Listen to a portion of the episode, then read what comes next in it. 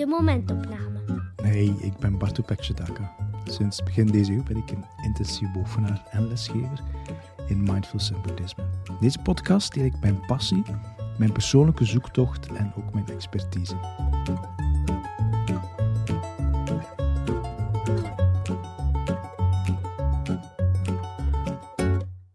Welkom terug bij de Mindfulness Podcast. Ik ben Bartu Pekjedaka. Deze podcast wordt redelijk huishoudelijk van aard, of zo kan het toch in de eerste instantie gaan lijken. Want ik wil het bijvoorbeeld gaan hebben, om er maar gewoon direct in te vliegen, over je toilet dat verstopt zit.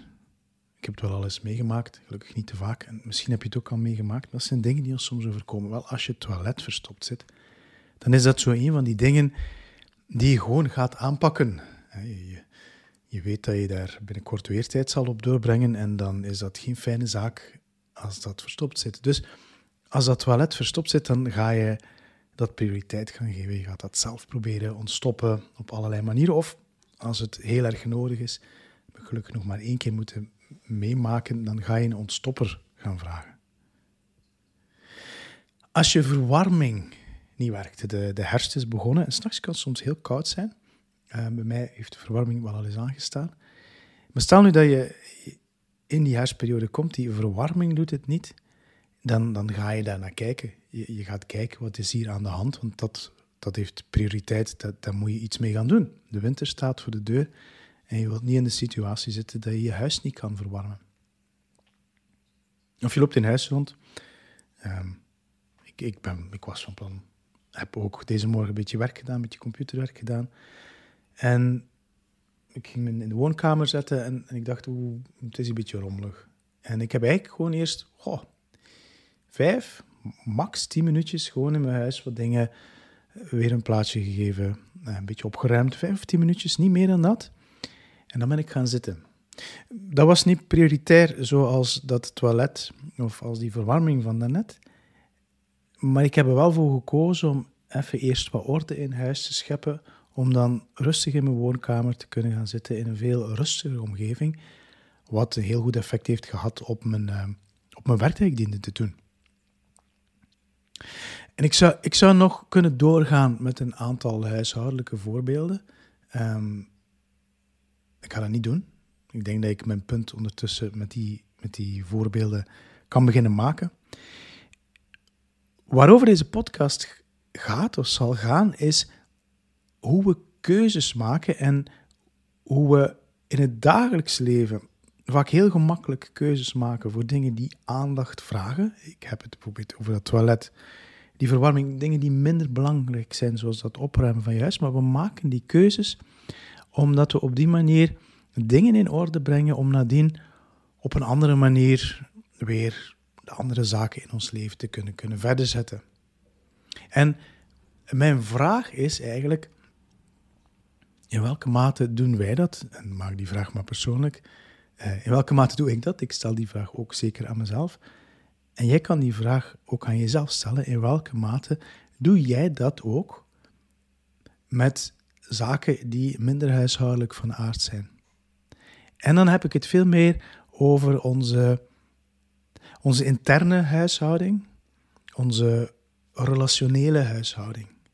Want dat zijn ook huishoudens. Daar dienen dingen te gebeuren, daar kan het alles rommelig worden, daar kan het alles verstopt zitten, daar kan de temperatuur soms gewoon drastisch te laag zijn en dient die wat opgekrikt te worden, of soms kan die temperatuur veel te hoog staan en moet daar wat verkoeling in komen. Je kan het beeld van het huishouden perfect gaan importeren in je emoties, ook, ook in je lichaam. Ook ons lichaam is een volledig huishouden, redelijk op zichzelf, maar soms heeft het wat ondersteuning nodig. Mijn vraag is, in welke mate gaan wij dat gaan doen?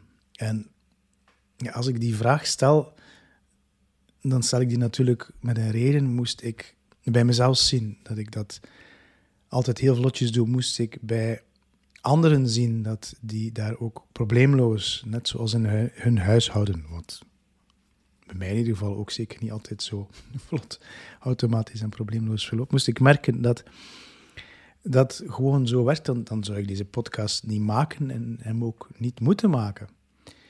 Want realiteit is dat we dat vaak, vaak niet doen. Laten we het concreet maken. Um,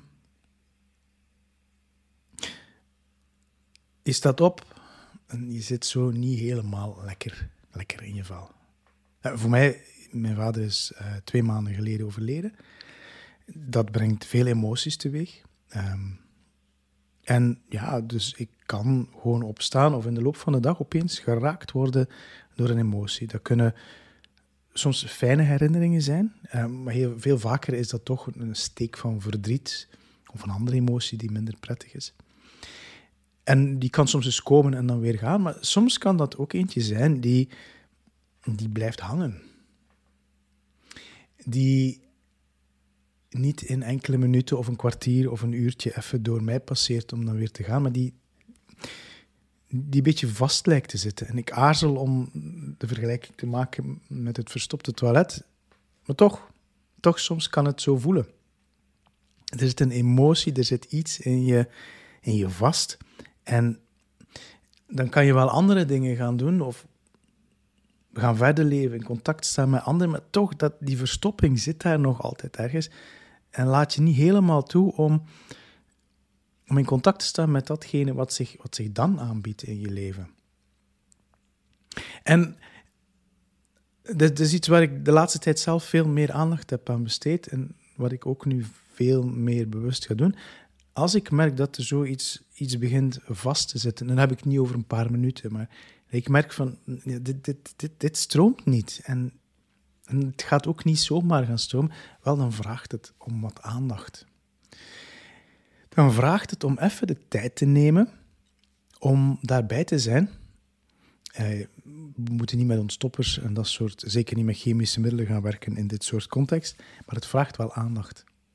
Um, en dat is het mooie bij dit soort zaken. Eigenlijk is vaak aandacht en misschien zelfs nog meer de, de mildheid, de warmte die in die aandacht dient te zitten. Want aandacht zonder die kwaliteiten is geen, geen echte aandacht. Um, dat is eigenlijk een vorm van weerstand zelf, een vorm van proberen manipuleren. Maar die mildheid, die liefde, die warmte die in die aandacht zit, die is vaak meer dan voldoende om daar beweging in te beginnen brengen.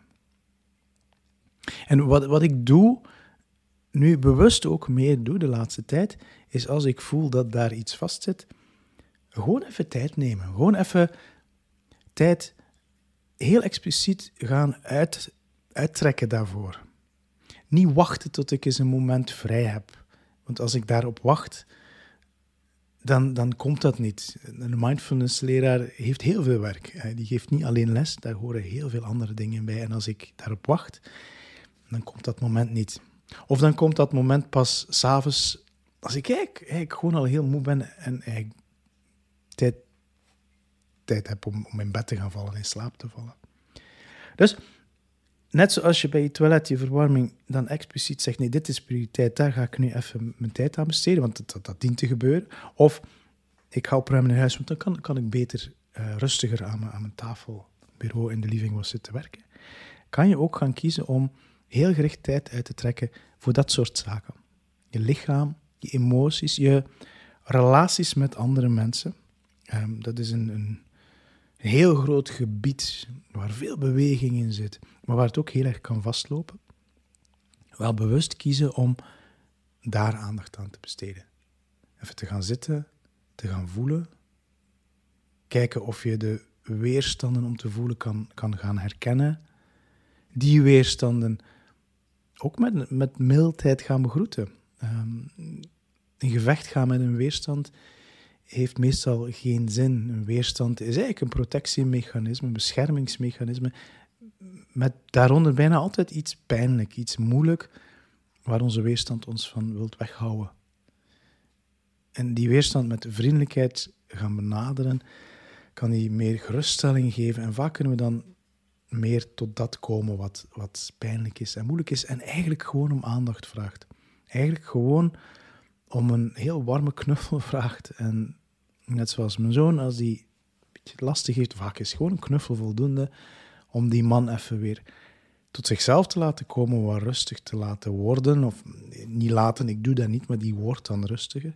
En dan vaak is dat daardoor en gaat die weer weg. Wel, kunnen wij op dezelfde manier die keuze gaan maken.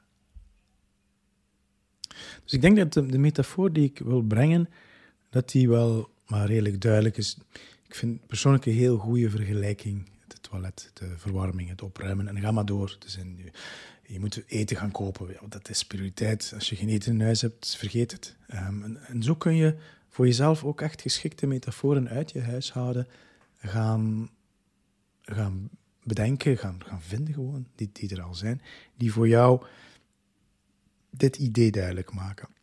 En toch ga ik er nog eens nog verder nadruk op zetten, omdat het heel makkelijk is om nu te gaan zeggen voor jezelf van, ja, inderdaad, dat is een goed idee. Nou, klinkt goed, dat is een goed idee. Maar mijn vraag is eigenlijk, en ik ga ze nu nog iets scherper stellen, doe je dat? Doe je dat of zelfs zou je dat niet nog meer kunnen gaan doen? Zou het niet nuttig kunnen zijn om dat nog meer te gaan doen? Want als je geen aandacht schenkt aan die emotie die daar vastzit, om maar weer dat voorbeeld te gaan nemen. Um, het kan ook iets in je lichaam zijn, iets in je relatie, contacten met anderen bedoel ik dan. Als je dat niet doet, dan verhindert het al de rest. Dan kan je niet echt komen aan wat op dat moment het leven van je vraagt. Omdat het leven je eigenlijk iets anders aan het vragen is op dat moment.